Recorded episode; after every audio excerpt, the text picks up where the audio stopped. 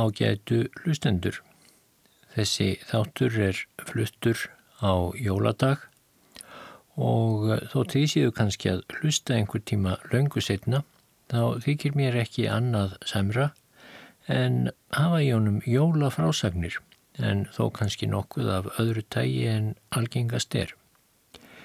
Í gömlu íslensku riti sem heitir Bryðfyrðingur er að finna tvær dramatískar jólafrásagnir. Önnur er eftir Sigurbjörn Sigtryggsson og heitir Förðurleg örlögum jól en hinn heitir Beinin í pókanum og er eftir Jón Sigtryggsson. Og það er ekki eftir neinu að býða. Ég hefst handa um að lesa Förðurleg örlög um jól. Akureyjar á breyðafyrði eru tæplega viku sjávar eða um 7-8 kilometra undan landi á Skarðströnd. Fullvíst má telja að Akureyjar hafi borið nafn sitt með réttu til forna og í gömlum sögum er þess getið að þar sjáist merki eftir Akurgerð en þau eru fyrir löngu alveg horfin. Í byrjun 19. aldar bjöku þar bændur tveir er Stefán héttu báðir. Lítill vafi er á því að nöfn þeirra væru nú með öllu glimt ef ekki hefði varðvist saga um svaðilför og rakninga um jólaleitið sem þeir lendu í þegar þeir lágu úti í áttadægur í lítilli eiði-ei, matarlausir og illa búnir enda hávetur. Greinilegasta frásögnin sem til er um þennan atbörð er færði letur af bróður síni annars þeirra, Pétri Kaupmanni Eggers og prentuð í sögusafni Ísafóldar árið 1891. Hér er stöðst við frásögn hans en feldarinn í ímsar aðrar heimildir og annað stitt. Í þá daga voru vetur harðari og frosthörkur meiri en setna og þá kom oft fyrir að sundið milli Akureyja og Skarstrandar var ísilagt mánuðum saman. Fyrir innan Akureyjar er röstumíkil og hættuleg sem ekki leggur nema í mestu aftökum. Með aðfalli likur harður ströymur inn sundið milli lands og eiga inn að röstinni engum þegar stórstreimt er. Kemur þá oft fyrir þegar sundið er lagt að spildur leysir frá ísnum innanverðum og rekur inn röstina. Þykir því óvarlegt að leggja á sundið um aðfall.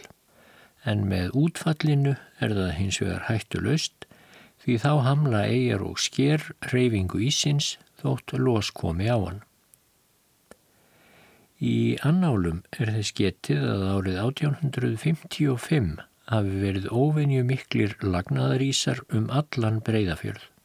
Þá lagði Akureyjaröst en til þess vissum en eigi dæmi næstliðin 200 ár.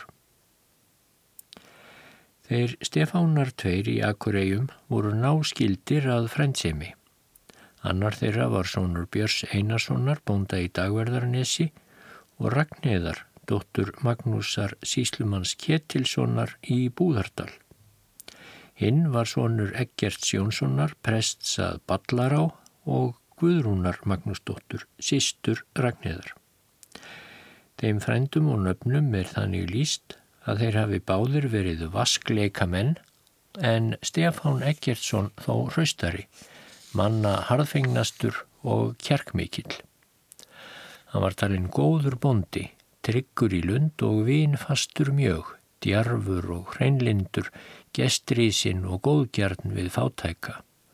Stefán Björnsson var smíður góður á tré og hafði reyndar silt til Kaupmannahafnar til náms í yðinsinni sem var sjálfgeft í þá daga. Hann var sagður ljúfmenni, veglindur og þrautgóður. Þeir voru báðir á fertugsaldri, kvæntir voru þeir sístrum, dætrum móðurbróður síns Sigmundar Magnússonar. Hétt kona Stefáns Eggertssonar Ragnæður en hinn Kristjana. Um þessar myndir og lengi síðan bjó í Fagradal Ytri á Skarðströnd Jón Stúdent Eggertsson, bróðir Stefáns Eggertssonar. Annar bróður hans, Fridrik Prestur Eggertsson, bjóð þá í Búðardal og var aðstóðarprestur hjá föður þeirra en hann helt Skarðsþing í alls 46 ár. Á Þorláksmessu dag fyrir jól árið 1842 lögðu þeir nafnar af stað að heiman úr Akureyjum til lands og ætluðu þeir að dvelja þar meðal frenda og vina um jólinn. Veður var gott, lítið frost og hæg útræna. Þeir voru fótgangandi því sundið var lagt. Feildi sinn hundur kvorum þeirra. Með því dagur var stuttur og ítla stóð á sjó, verðu þeir heldur síðbúnir og þegar þeir komu í efstu eina við sundið var komið harða aðfall. Þar var ísinn að verða landalöys af aðfallinu en það ströymur harður við eiguna. Þó gáttu þeir stokkið út á ísinn, röðuðu ferðsynni áfram og gekk Stefán Eggertsson á undan. Eftir skamastund varð fyrir þeim rifa í ísinn. Sáðu þeir þá þegar að spöngin sem þeir voru stattir á hafi losnað frá ísnum og var komin á reyfingu inn að röstinni. Þeir gengu að vörmu spori til eigarinnar aftur og hugðust ná þar landi. En spöngin hafði þá lónað svo langt frá að þeim tókst það ekki. Þeir urðu því að láta fyrir berast á ís spönginni sem barst með flugferð inn að röstinni. Þegar þangað kom var svo mikil ferð á spönginni sem sylt væri hraðbyri. Öðru koru rakst hún á aðra jaka og kvarnaðist á utanúrinni, engum það sem fröðkendast var, en það var ísin eigi sterkur, aðeins tví höggur. Í miðjum strengnum ringsnerist spöngin hvað eftir annað, gekk svo nokkra hríð. Þá sáu þeir stóran útsels brimil koma upp skamt frá og frínast í þá og hunda þeirra. Hann veitti þeim eftirför langa leið, miklu lengur en títir að selir fylgi bátum. Lóks fór þeim að standa stuggur af þessum sel og ekki verða um sel ef svo má segja. Veður fór heldur versnandi, þyknaði nú loft og byrjaði að rökva. Nær viku sjávar eðum 7 kílometra fyrir innan Akureyjar og halva viku sjávar undan landi, þar klopnar röstin í tvendum eiði-ei, litlu og láa sem fagur-ei nefnist. Að þessari ei bar jakan og voru þeir félagar viðbúnir að stökka þar upp í apskjótt sem jakin snerti land.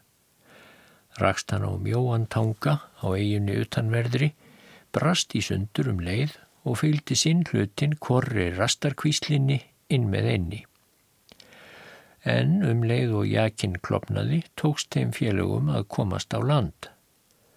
Hundur Stefán Sækjertssonar sem svipur hétt, stór og gulur að lit og honum mjög fylgisbakur komst upp á eftir þeim en hinn rakkin rataði ofan af ísklungrinu og druknaði í strömmnum.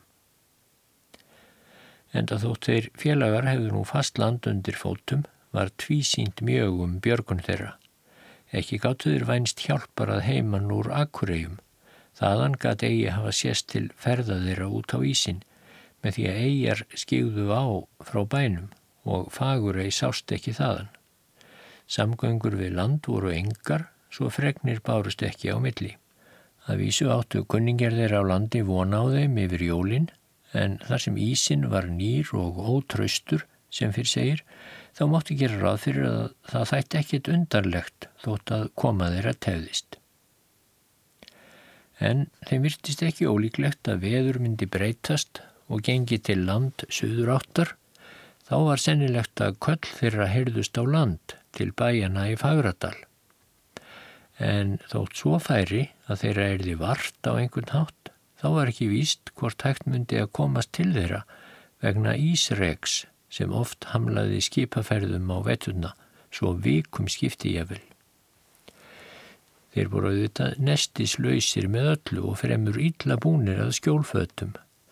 Sáu þeir þegar að hvort sem þeir ættu fyrir sér langa eða skamma dvöl í eigunni þá var þeim nöðsynlegt að koma sér upp einhverju skíli til hlýfiðar gegn kulda og ylviðrum.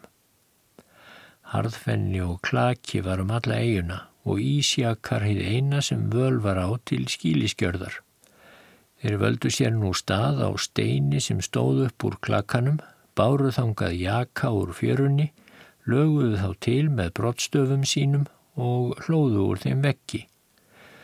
Þögtu þeir síðan yfir með ís og hafðu þunna jaka í hurðarstað. Ekki var skílið starra en svo að þeir gáttu aðeins seti þar inni réttum beinum. Nætti mjög á þá, gegnum mjög svo óþjetta vekkina. Full dimt var nú orðið og engin líkindi til að þeim erði bjargað þann daginn. Tóku þeir á sér náðir í kofanum en óhægt var um legurúmið, þeir eruð að sofa sítjandi og halla sér koröpað öðrum með klakavekkin að baki. Hundur Stefáns Eggertssonar lág á fótum hans og var það honum til mikill að hlýjenda.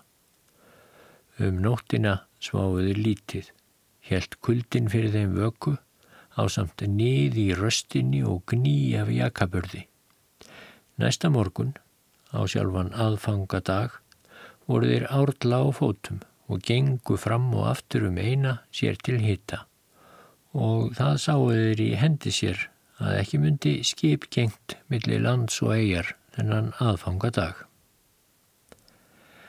Glögt sést úr Fagurei til bæjana í Fagradal Nokkru eftir fótaferðartíma sáu þeir félagar tvo menn á landi sem rák á undan sér fjárhóp skamt frá fjárhúsum í Fagradal Ytri. Þá tóku þeir nafnar til að hóa sem ákavast og sáu að menninir námi staðar eins og þeir verið að hlusta en heldu síðan áfram ferðsynni. Skömmu síðar hóuðu þeir aftur. Fór þá á sömu leið, fjármenninir stöldruðu við en gáðu ekki hljóð frá sér. Hund gáðu heyrðu þeir úr landi og þóttist vita að væri frá fjármönnum þessum og að hundarnir hefðu heyrt hóið, virtus mennirnir hins vegar ekki hafa orðið þeirra varir. Ekki sáu þeir aðra mannaferð þann daginn.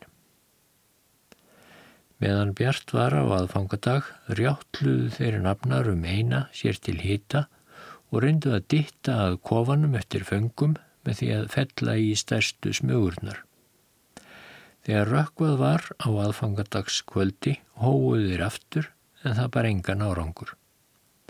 Þeir sáu greinilega að kveikt var á bæjum vegna háttíðana og var venjufremur mikið af ljósum á báðum bæjunum í Fagradal. Leið svo jólanóttin og var í tíðinda. Að mornu jóladags sáu þeir fólk leggja af stað til kirkju frá Fagradalsbæjum. Fólki fór í tvær áttir, út að Búðardal annar hópurinn en hinn inn að staðarhóli, því bæjirnir voru sinn í korri sókn. Hóuðu þeir þá ennaði nýju en enginn virtist veitaði aðtikli. Nú tók sulturinn fyrir alvöru að sverfa að þeim. Þeir vissu að kvönn óks í eiginni og leituðu eftir rótum hennar til að stilla mesta hungrið. Eftir mikla leit tókst þeim að finna kvannarætur og gáttu pjakkað nokkrar upp með brottstöfum sínum. Voru þeir litlu bættari fyrir þá næringu, gattfreðna og sundur tætta. Von þeirra um björgun tók nú verulega að dopna. Sættu þeir sig við það en þótti leiðinlegt að vandamenn þeirra fengju enga greinilega vittnesku um afdrif þeirra og endalokk þótt bein þeirra myndu eflust finnast síðar. Stefán Eggertsson hafði numið silfursmíðar og leturgröft og var skurðhagur vel. Hann var og manna leiknastur að binda letur og skamstafa. Göngustafur hans var átt strendur að neðan á álnarbíli en sívalur upp þaðan eins og stafir voru flestir í þá daga.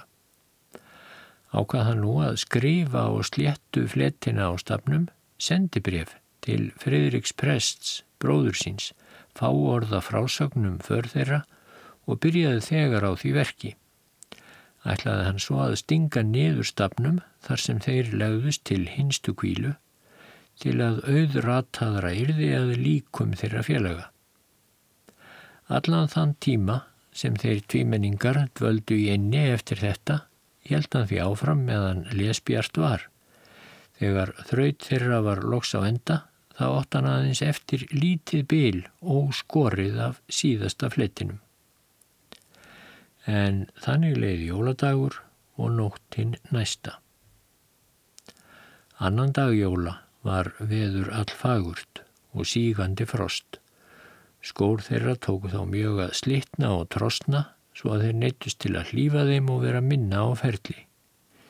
Fyrir það sótti kuldi á þá meira en áður, Svefn tók þá mjög að sækja á Stefan Björnsson sem var óhraustari af þeim tveimur.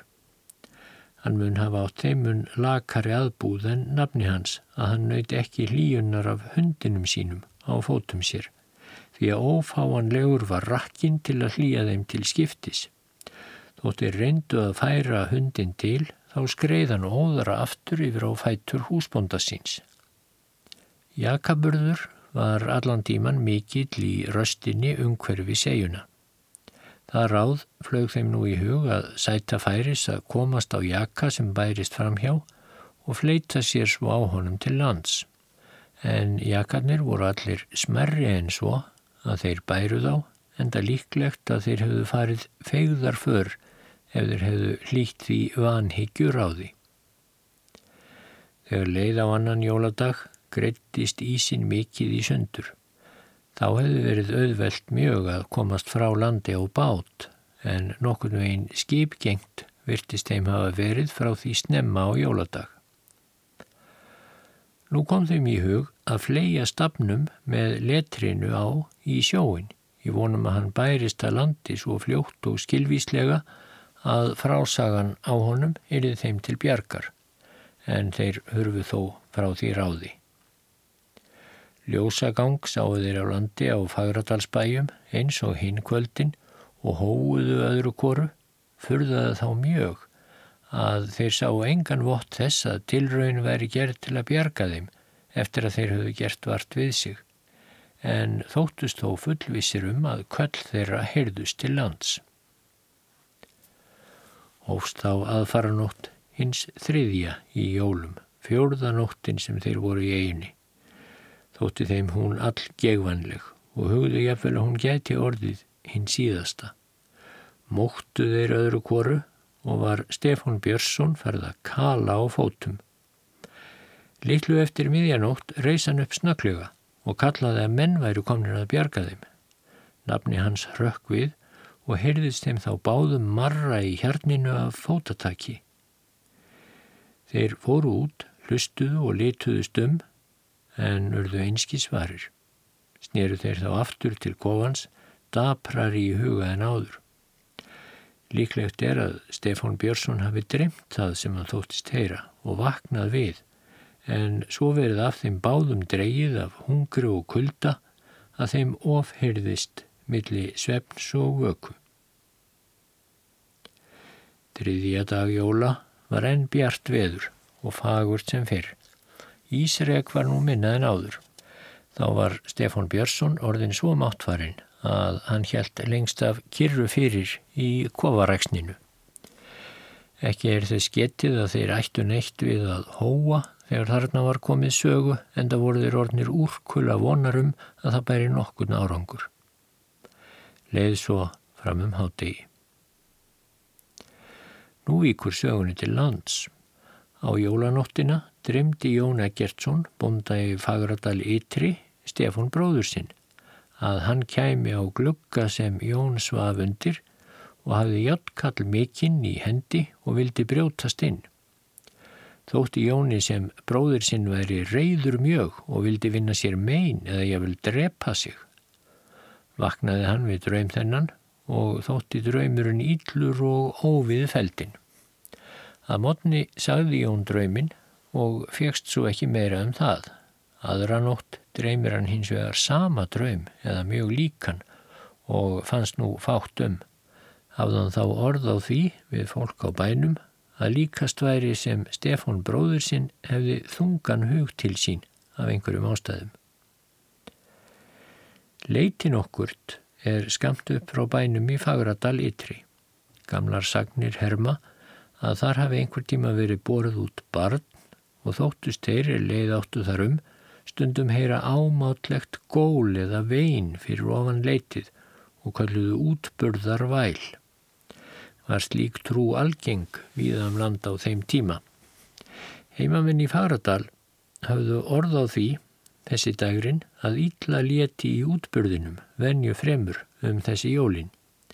En nýlundað meiri þótti þeim það að nú kom hljóðið úr gagstæðri átt frá því sem áður var og þótti þeim hljóðið helst koma upp úr sjónum. Slík tilbreyði komu þó gömlumannum ekki á óvart. Fórinjur eru ekki ávalt uh, taldar halda kyrru fyrir og síst á hátíðum. Á þriðja í jólum var messað í Búðardal. Þar var margt fólk við kirkju því að veður var gott. Áður en messugjörðin hófst barst í tal um hljóð og læti í Fagradal og þótti sumum sem það myndi verða fyrir tíðindum. Friðrik Prestur heyrði málmanna sem aðrir og þótti honum miður og ámælti sóknarbörnum sínum fyrir þessa heimsku þeirra og hjátrú Honum kom þegar í hug eins og rétt var að einhver staðar nálagt veru mennstattir í lífsháska og hefðu hóað til þess að gera vart við sig. Prestur hraðaði því messunni sem mestan gat og let eh, syngja eitt vers í staðin fyrir heilan sálm en lagði svo fyrir áður að hafa skildi hest sinn söðlaðan í messulokk. Reið svo prestur þegarinn að Fagradal þegar messunni laug. Þá er fólk var fyrir nokkru farið til kirkju frá Fagradalínri, þá hafði húsfriðan Helga Sigmundsdóttir gengið til fatakistu sinnar til að viðra född sín. Hún átti sjónauka sem gemdur var í kistunni. Hugði hún að móða væri komin á glerið, skrúfaði því sjónaukan söndur og þurkaði þau. Að því búinu gekk hún með sjónaukan út á hlað brá honum fyrir augu sér og litaðist um. Sá hún þá þegar eitthvað á reyfingu í fagurei. Henni varð byllt við og fór til bóndasins og spurðan hvort nokkura skeppnur ætti að vera í enni en hann hvað svo ekki vera. Kindur þar sem þar hefðu verið til höstgöngu væru fyrir lungu komnar heim á bæ. Við nánari aðtugun sáðu greinilega að það var maður á ferð í eigunni. Ekki var um að efast. Hann hlaut að vera þar teftur hvernig sem á ferðumanns þangað stæði. Brá Ólafur þegar við og fekk menn sér til aðstóðar og rundu þeir fram báti og réðust til ferðar út í eina. Ísbrytting var með landi fram og tafði það nokkuð förðeira sem annars gekk fljótt og vel. Stefán Björnsson láð þá fyrir í kofanum býstna aðfram komin, en nafni hans var enn á rjáttli og kom auga á bátinn skamt utan við lendinguna í Fagradal. Beigðan þar til báturinn var komin hálfa leið og séð varð að hann myndi ná einni tálmunnar löst. Vildi hann ekki láta nafna sinn verða fyrir nýjum vonbregðum, svo mjög sem af honum var þá dreyið. En þegar hann sá að báturinn myndi ná alla leið, Þá gekk hann inn í kofan og sáðunum að brátt myndi úr greiðast fyrir þeim. Þegar Stefán Björnsson hafði hyrt fregnina um bátinn sem var á leiðinni þeim til hjálpar, lifnaðan heldur í bragði. Von bráðar bar bátinn að einni og var þar fagnaðar fundur. Þeir fagradalsmenn hafðu haft með sér heita mjölk á brúsa, en ekki þorðu þeir að láta þá félaga nærast á henni nema í smá sopum og mjög dræmt eftir svona langt hungur. Brátt var haldið til lands og gekk ferðin greiðlega. Friðrik Prestur kom þar að í sama mund og þeir lendu. Stefán Eggertsson gætt gengið óstuttur heimað bænum en nafna hans littu tveir menn. Nokkun tíma dvöldust þeir í Fagradal en hrestust furðu fljótt. Við fyrsta tækifæri heldu þeir heim til sín í Akureyjar Þá vissu konur þeir ekki annað en að þeir hefðu verið á landi yfir jólinn allan díman í besta yfirlæti og brá mjög í brún þegar þær spurðu rakning manna sinna og þann lífsháska sem þeir höfðu lendi í um hátíðarnar. Ekki byggu þeir nafnar lengi í Akureyjum eftir þennan jólaatburð. Stefán Eggertsson fluttist skömmi síðar að ballar á þar sem búið hafði Eggert prestur fadur hans og bjó Stefán þar lengi síðan. Stefán Björnsson fluttist hins vegar búferlum úr Akureyjum í sama mund. Hann bjó lengi eftir það í Gautsdal í Geiradal. Áður en þeir nafnar fóru frá Fagradal eftir rakningana afhendi Stefán Eggertsson friðuríki presti bróður sínum Gungustafsinn sem ávar skráð rakningasaga þeirra sem reyndar var samin sem bref til hans. Stafurinn var lengi síðan gemdur í Búðardal og þótti hinn mesta gersemi. En einhverju sinni, þegar Friðrik Prestur var að heiman, bar svo við að maður kom þangað og fekk stafin að láni en í þeirri ferð brotnaðan. Brotin voru svo geimt en þau glötuðust síðar án þess að vita væri hvað af þeim varð og þannig má segja að hafi glatast þessi samtíma heimild um þessa jólarrakninga þeirra nafna.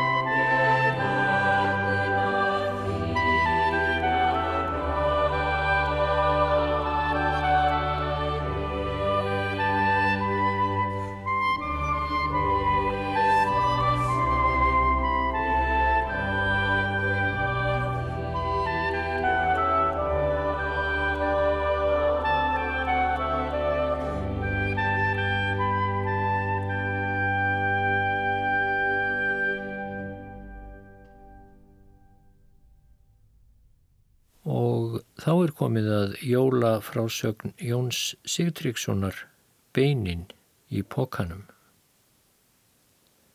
Þegar ég var barn dvaldi gamal maður á heimili fóreldra minna. Hann hafi náð hári elli er ég mann fyrst eftir honum en það var hann orðin kvítur fyrir hærum, blindur og hafði litla ferlivist. En hann var fróður um marga hluti og kunni frá ymsuð að segja en það notuðum við okkur óspart krakkarnir.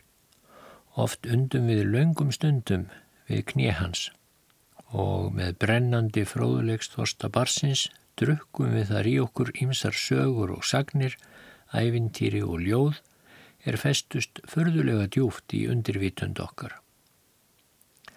Vafalust hefði verið undað ef að sannleikskildi margs þess er við heyrðum. Um það hýrnum við ekki, en gáfum ímyndun okkar og hugmyndaflugi lausan taumin og svifum á töfraklæði dagdraumana óra vegu í tíma og rúmi. Einsagan sem þessi elskulegi fræða þulur sagð okkur skauti nýlega upp kollinum í hugmér. Ég veit ekki hvort hún er sönn eða ekki, en það hekk ég reyndar að það skipti ekki mestu máli. Hann sagði að hún hefði gerst fyrir löngu síðan í faguri sveit vestur við breyðafjörð.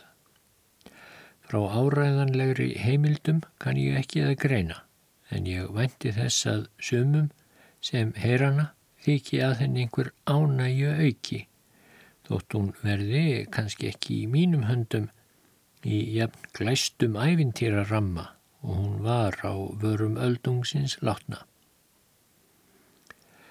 Sagan er svona. Magnús hétt maður og var Björnsson. Hann var fættur og alin upp í dölum vestur en kynjaður úr breyðafjörðarægjum. Þegar hann var enn lít af bensku skeiði, druknaði fadur hans og var þá móður hans að fara í vinnumennsku með yngstu börn sín tvö en þau elstu og meðal þeirra var Magnús urða að fara sjá fyrir sér sjálf. Réðst Magnús þá í vinnumennsku og var í ýmsum stöðum fram um tvítugsaldur. Engin þótti hann áhlaupamaður til vinnu en þó hlutgengur að hverju verki. En um gáfur og andlegt atgerfi var hann talinn flestum ungum mannum fremri þar um slóðir. Hann eitti öllum stundum sem hann mátti í lestur og fræðasísl og stóð hugur hans allur til menta. En þar var eigi hægt um vik því að efni hans voru engin og engin bakkjarl nema áhugi hans sjálfs og dugnaður. Um fermingaraldur réðst hann til auðugasta bóndans í sveitinni og var hjá honum um skeið. Að mörguleiti var þar gott í vist að vera en hver dagur var tekinn snemma og því hafði Magnús lítinn tíma til þess að sinna hugðarefnum sínum. En með yðinni og sparsemi tókst honum að eignast nokkur tvið og þar kom að hann tók að íhuga alvarlega að fá heitustu ósk sína uppfylta og hefja skólagöngu. Húsbóndi hans hinn auðu í bóndi átti dóttur eina barna Hún var hinnum bestu kvennkostum búin og vel að sér gjörum alla hluti. Hún var auk þess kvenna fríðust og svo líknumild og ljúflind að hún mátti ekkert ömt sjá. Guðrún, en svo hétt hún, var samaldra Magnúsi Björnsinni. Ekki hafðu þau verið lengi undir einu þaki bæði þegar þau tóku að fella hugi saman og þar koma þau héttu hvort öðru eigin orði án vitundar og vilja foreldra hennar. En þegar foreldrarnir komist að því hvert hugur enga dótturinnar stemdi, þá spyrndu þau við öllum ráðum til að hindra samdrátt þeirra Magnúsar, því þeim þótti ekkert jafnræði með sveitar ómaganum og enga dóttur auðugasta bondans þar í sveit. Eftir að foreldrarnir höfðu fengið sönnur fyrir hinnum óleifilegu ástum þá var Magnúsi líkt vært á heimili þeirra og gerðu þau allt sem þau máttu til að stýja þeim guðrúni í sundur. En þau letu ekkert aftra sér og varð ást þeirra heitari og innilegri því lengur sem leið. Einn með öðru olli stjættamönur þeirra því að Magnús gerði veruleika úr dagdrömmum sínum og hóf skólanám hið sama höst og hann var tvítugur. Það tókst honum, þótt með erfiðismunum væri og hann hafði ekki setið lengi á skólabekk er hann tók að skara fram úr öðrum námsveinum að lerdómi og gáfum og eftir tveggja vetranám var svo komið að engin stóðunum á sporði. Einn glæsilegi námsferill og miklir mannkostir höfðu það í för með sér að hugir húsbænda Magnúsar breyttu af sér klakan og þar kom að þau fjallust á að gifta honum dóttur sína. Urðu þau Guðrún og Magnús gladari við það en orðfái líst eins og næri má geta. Líða nú fram tímar og er Magnús að ljúka námi. Hann á aðeins einn vetur eftir og að námi loknu næsta vor stendur honum opið eitt besta brauðið í vestfyrðingafjörðungi. Svo hafi verið ráð fyrir gjört að hann kemi heim í áttagana um jólinn þennan vetur og skildu þau Guðrún þá gera heyrin kunna trúlofun sína. Þótti engin ástæðu til að draga það lengur því Guðrún var satt að segja tekin að þykna nokkuð undir belti og kendun það að vonum Magnúsi. Nokkrun dögum fyrir jól tekur Magnúsi upp á samt fleiri skólapiltum og ætla þeirra að ganga heim til sín og vera þar um hátíðarnar hver á sínum bæ. Í þann tíð voru vetrarferðir hér á landi oft mjög torsóttar og hættulegar eins og kunnugt er. Flestir ferðuðust fótgangandi en það voru þá engir vegir til og engir bílar, engar brýr að hafa og lítið um skip. Færðu var góð fyrstu dagana og sóttist þeim félögum ferð sín greiðilega. En á Þorláksmessu tók að kingja niður snjó og helt svo fram þann dag allan og nóttina eftir. Að morgni aðfangadags var komin afar mikil fönn og var þá frostnokkurt, fjúk í lofti og þungbúið. Er þeir félagar tóku sig upp úr náttstað, skildust leiðir, en áttu þá flestir þeirra skamt eftir ófarið hver til síns heima. Lengsta leiðin beigð Magnúsar, en Hún var þó ekki lengri en röskar þrjár bæjarleiðir. Að skilnaði tókust skólapiltar í hendur og óskuðu hverjir öðrum gleðilegra jóla og allara heilla. Uns spór þeirra lægi saman á ný að loknu jólalefinu. Á aðfangodaginn var allt búið undir jólaháttíðina og komu Magnúsar heima á bæi Guðrúnar og foreldra hennar. Ekkert var til sparað, svo að hver mætti sjá að engin smámenni réðu þar húsum. Heimasætan Guðrún lág síst á liði sínu og vildi hún fagna elskuða sínum sem allra veglegast. Í raun og veru hlakkaði hún takmarka löst til komu hans og í huganum þeisti hún með honum gandreiðum draumalönd framtíðarinnar en þegar Halla tók aðfanga degi allir það henni nokkrum óruleika að loft þingdist og það tók að snjóa en hún huggaði sig við að Magnús væri svo skamt komin á brauta hann næði þangað fyrir myrkur. Í rökkurbyrjun hafi veðrið versnað stöðugt og var nú komin hríð með vaksandi frosti og feikna fann komu. Að loknum út í störfum skipti heimafólk fötum og lítið því næsta á jólalestur og þá var Magnús enn ókominn. Þótti nú sínt að hann myndi eigin á heim þetta aðfangadaskvöld. Margir voru kvíðafullir um aðdref hans en vonuðu að hann hefði fengið nátt stað á einhverjum næstu bæja. Engum var heit mei hans millir vonar og óta og gæti enga stund á heilli sér tekið. Dulið hugbóð og ótti um hag unnustans ásótti hana þessa jólanótt. Veðrið fór líka stöðugt versnandi og þegar fólk gekk til kvílu var komin afspyrnun norðan hríð. Var veðurhæðin svo mikil að með fádæmum þótti og myndum en ekki annað eins. Stormurinn landi þekjur og glugga svo að hrykti í hverju trí á bænum og var líkast því sem húsöll værið að kikna undan hamförum veðursins. Guðrún gekk til kvílu á samt öðru fólki en gat með engum óti sopnað. Þegar ljós hafði verið slögt og umgangur hætti tóku daprar hugsanir að sækja aðinni. Mart gat hafa hent mann sem var einn síns liðs á ferð í slíku veðri en það segir fátt af einum eins og þar stendur. Stormurinn sló hörpu sína æðiskengnar með hverri stundinni sem leið og það voru döpur jólalög sem Guðrún hyrði leikinn þessa jólanótt. Þar kom þó um síður að hún sopnaði og var það skömmu fyrir dögun. En ekki hafði hún sofið lengi þegar henni finnst hún vakna aftur og sér hún þá Magnús koma upp á loftskörina. Hann er þá al snjóur frá kvirli til Ilja og fött hans stokk frosinn, berhendur er hann og kalin mjög á höndum. Húfunni hafðan tínt og var hárið, mikið og fagurt, fullt af snjó og raunar eitt klaka stykki.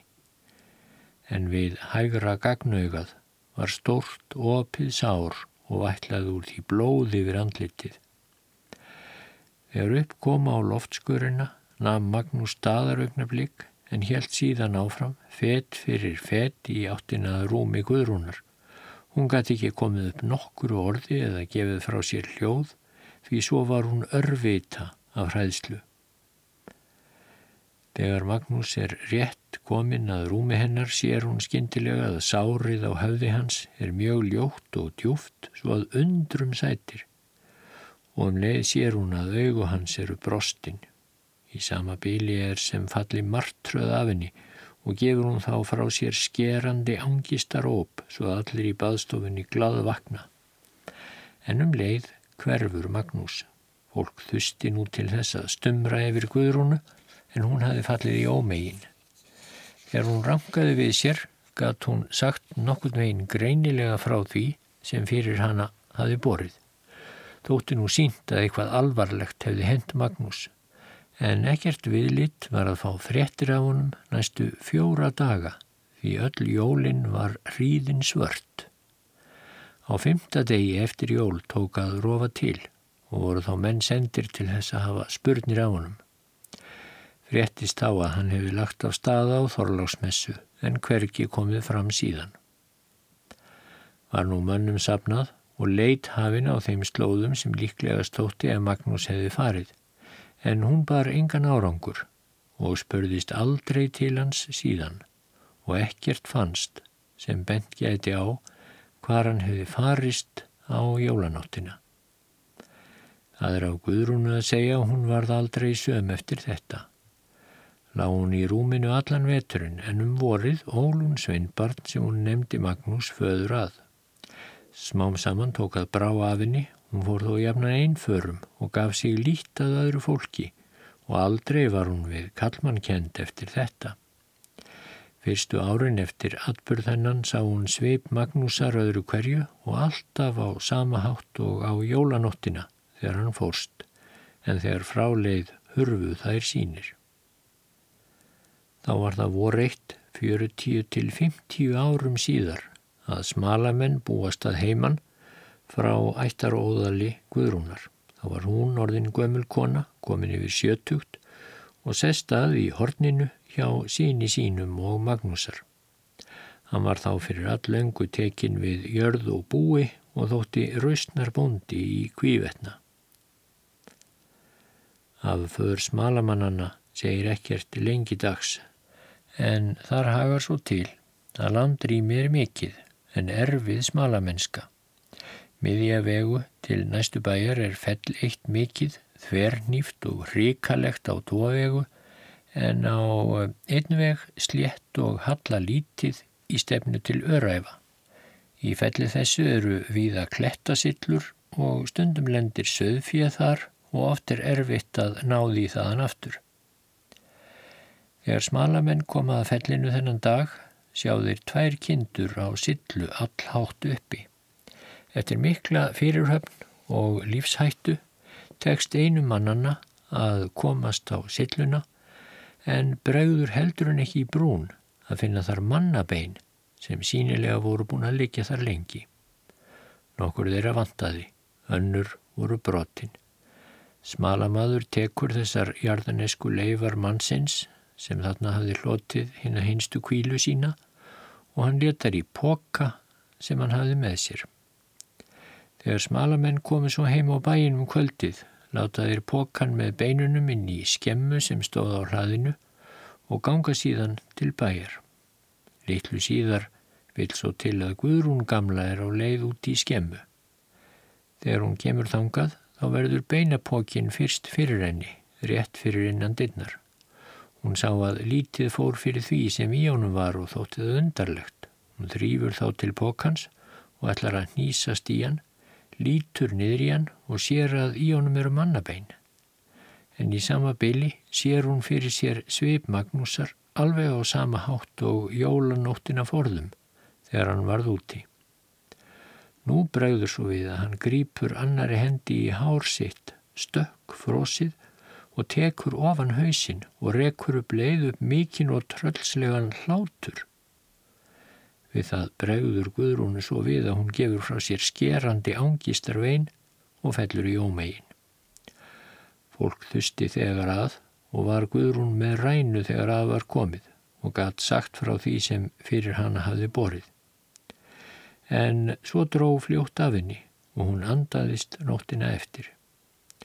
Þótti sannað að bein þessi hefði verið leifar Magnúsar unnustu hennar og voru þau jörðuð í sömu gröf og guðrúnu. Eftir þetta var það aldrei vart við svip Magnúsar. Hans lungu jólanótt var loks lokið.